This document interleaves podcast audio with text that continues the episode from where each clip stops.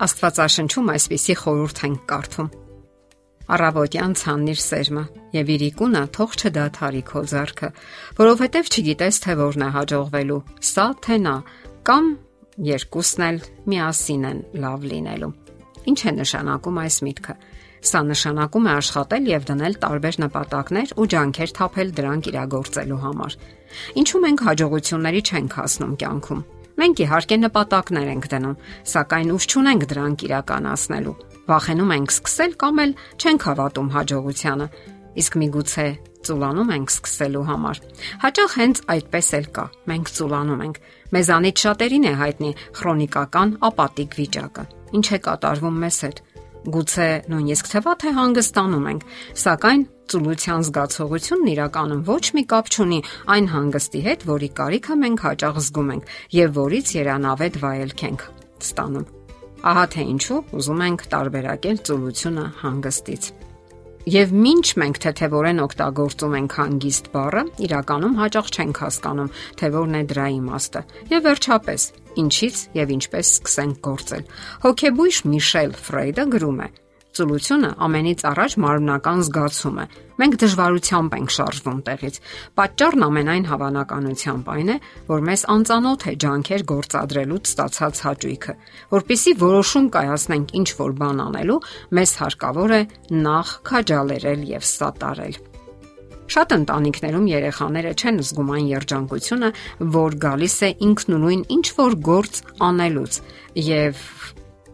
երեխաները բավականություն չեն զգում իրենց գործունեությունից։ Պատճառն այն է, որ ճափազանց հոգատար ծնողները նրանց փոխարեն անում են ամեն ինչ եւ հնարավորություն չեն տալիս, որpիսի երեխաները զգան հաջողության ուրախությունը։ Իսկ ահա պահանջկոտ ծնողները ընդհակառակը չեն սատարում երեխային։ Նրանք անընդհատ ասում են, որ երեխան բավականաչափ լավ չի անում իր գործը կամ ճափազանց մեծ ջանքեր են պահանջում, ինչին երեխան պատրաստ չէ։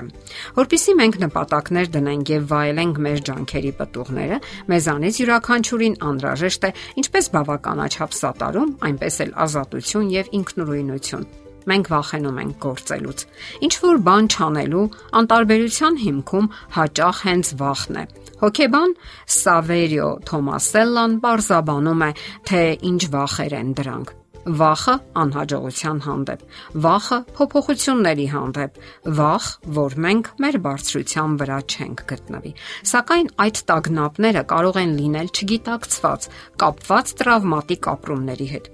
Օրինակ, մենք կարող ենք ծուլանալ եւ չգնալ մեքենա վարելու դասընթացների, որովհետեւ մեր մեջ դեռևս թարմ է ինչ որ ժամանակ ապրած վթարի ապրումները։ Ոչինչ չանելը մեզ ներքին հանգստություն է պատճառում։ Մենք դանդաղում ենք, հապաղում, որpիսի պաշտպանվենք գոյություն ունեն նաև վախեր, որոնք մենք ոչ միայն չենք գիտակցում, այլև չենք խոստովանում ինքներս մեզ։ Նման հետաքրքիր մտածում գոյություն ունի։ Շատերը չեն ցանկանում ինչ-որ բանով զբաղվել, որովհետև ներքուստ չեն ցանկանում գերազանցել իրենց ծնողներին։ Նրանք ներքին պայքար են ապրում։ Այդ ներքին պայքարները պատճառ են դառնում անգործության։ Դա պայքար է, որի մեջ ներգրավվում են մեր ցանկությունները եւ մեր արգելքները։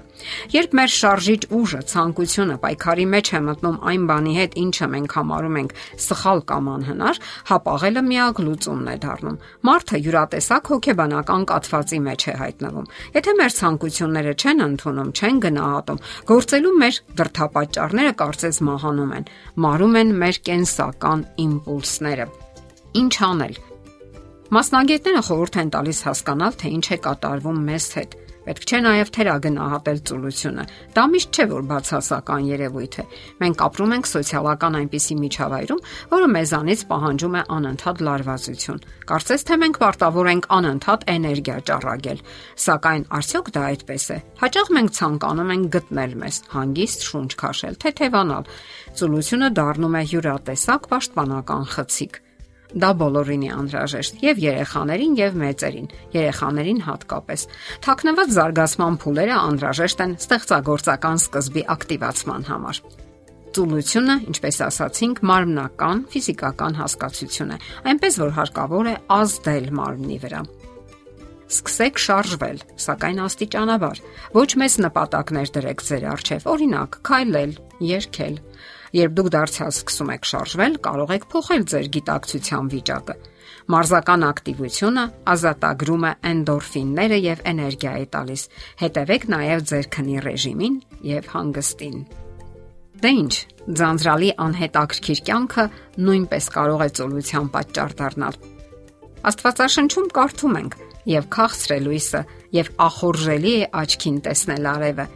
Իրավ, եթե մարդը շատ տարիներ էլ ապրի, նրանցում թող ուրախանա։ Այս խոսքերը պատկանում են Սողոմոնին, ով իրավացիորեն համարվում է աշխարի ամենաիմաստուն մարդը։ Վայելեք Աստծո ստեղծած հրաշալի կյանքը։ Գործեք նրա ցանկության պես եւ չեք ձանձրանա կամ չեք ծուլանա։ Ձեր ամեն օրը սկսվում է նոր հնարավորություններով եւ նոր հետաքրքրություններով նորովի վերակերտեք այն։ Ոչ երանդուն անվճռական կյանքը ձանձրույթ եւ ծուլություն է ծնում։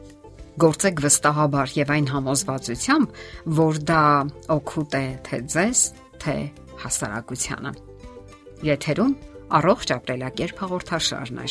Հարցերի եւ առաջարկությունների համար զանգահարել 033 87 87 87 հեռախոսահամարով։